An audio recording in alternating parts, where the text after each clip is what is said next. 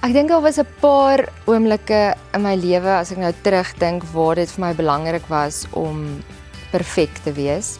Uh die eerste een waarna ek nou kan dink is toe ek net die bedryf betree het. Ek was jonk en naïef geweest en dit was vir my baie belangrik om die ding reg te doen en en half in hierdie pragtige boksie te pas waar sekere mense jou wil in hê. En ek dink ek het vinnig besluit uh, of eintlik meer besef dat ehm um, as almal in daai boksie pas, dan gaan al die uniekheid weer daarmee heen.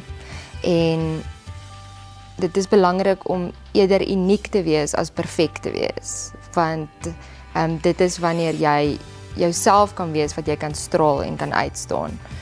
En ehm um, ja, ek ek ek dink ek het vinnig tot daai besef gekom daar. En dan dink 'n mens, jy weet, jy gaan daai daai les wat jy daar geleer het, reg deur jou lewe saam met jou dra en dan kom jy op 'n punt waar jy weer besef maar ek het presies weer daai fout gemaak baie jare later.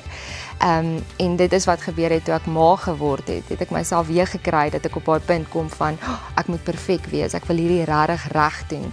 Ehm um, ek het hierdie lewe wat ek moet uh soos die Engelsman sê mold en dit dit is 'n groot verantwoordelikheid en ek wou dit en wil dit regtig reg doen elke kind is anders en jy kan nie elke kind dieselfde benader nie. As ek net my eie kinders vat, ehm um, Alizai is iemand wat maklik enigiets eet. Boetie aan die ander kant is oraal sensitief.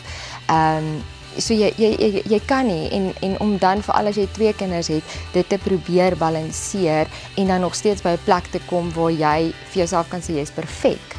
Um, dit gaan nooit gebeur nie en ek dink dit dit was so bevrydend geweest toe ek op daai punt kom waar ek besef, weet jy wat, my beste is genoeg. En ehm um, en my kinders dink ek's perfek.